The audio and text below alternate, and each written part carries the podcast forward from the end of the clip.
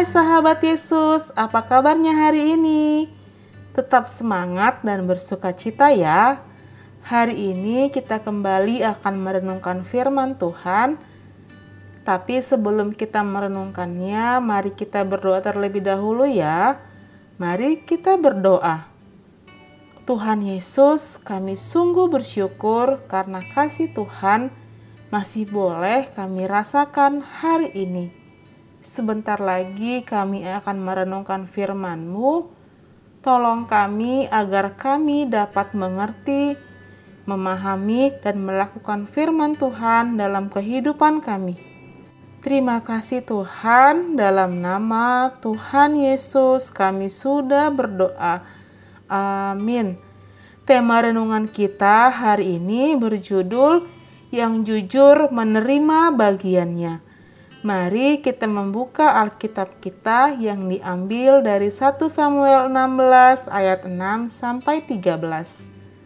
1 Samuel 16 ayat 6 sampai 13. Ketika mereka itu masuk dan Samuel melihat Eliab, lalu pikirnya, sungguh di hadapan Tuhan sekarang berdiri yang diurapinya. Tetapi berfirmanlah Tuhan kepada Samuel, Janganlah pandang parasnya atau perawakannya yang tinggi, sebab aku telah menolaknya, bukan yang dilihat manusia yang dilihat Allah. Manusia melihat apa yang di depan mata, tetapi Tuhan melihat hati.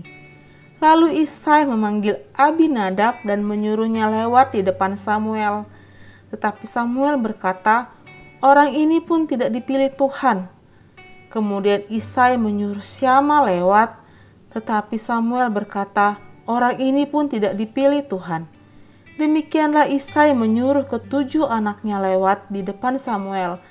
Tetapi Samuel berkata kepada Isai, semuanya ini tidak dipilih Tuhan. Lalu Samuel berkata kepada Isai, Inikah anakmu semuanya? Jawabnya, masih tinggal yang bungsu tetapi sedang menggembalakan kambing domba. Kata Samuel kepada Isai, "Suruhlah memanggil dia, sebab kita tidak akan duduk makan sebelum ia datang kemari." Kemudian disuruhnya lah menjemput dia. Ia kemerah-merahan, matanya indah dan parasnya elok. Lalu Tuhan berfirman, "Bangkitlah dan urapilah dia, sebab inilah dia." Samuel mengambil tabung tanduk yang berisi minyak itu dan mengurapi Daud di tengah-tengah saudara-saudaranya.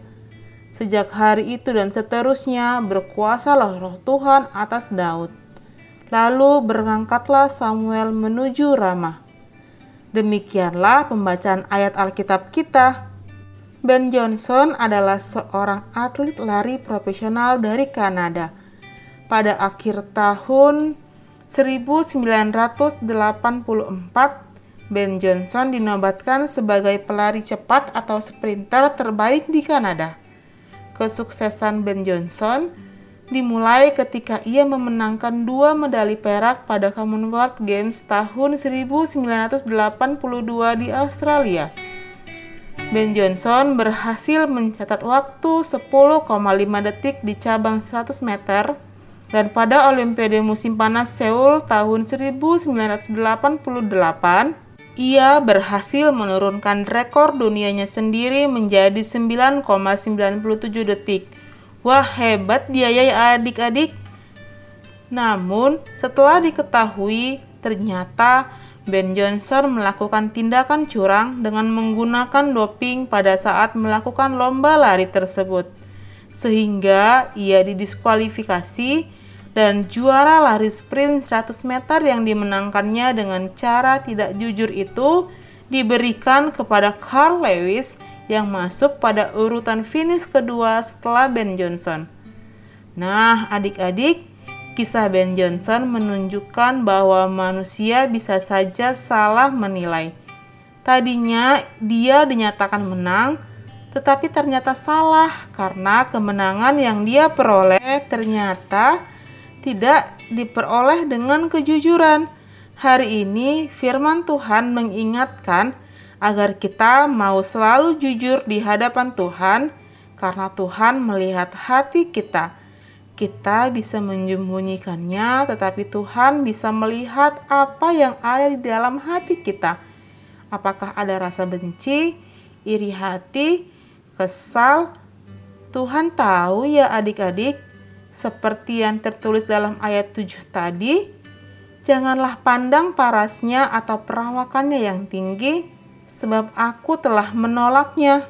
Bukan apa yang dilihat manusia yang dilihat Allah, manusia melihat apa yang di depan mata, tetapi Tuhan melihat hati.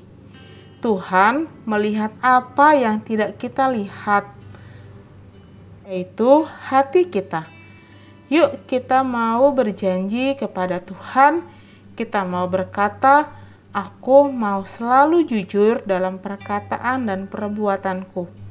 Sekali lagi, mari kita kata-katakan bersama ya. Aku mau selalu jujur dalam perkataan dan perbuatanku. Mari kita berdoa. Tuhan Yesus, terima kasih karena kami masih boleh merenungkan firman Tuhan. Tolong dan ingatkan kami agar selalu belajar untuk bersikap jujur dalam kehidupan kami sehari-hari. Terima kasih ya Tuhan, dalam nama Tuhan Yesus kami sudah berdoa dan mengucap syukur. Amin. Renungan kita sudah selesai, sampai jumpa pada renungan berikutnya ya. Tuhan Yesus memberkati.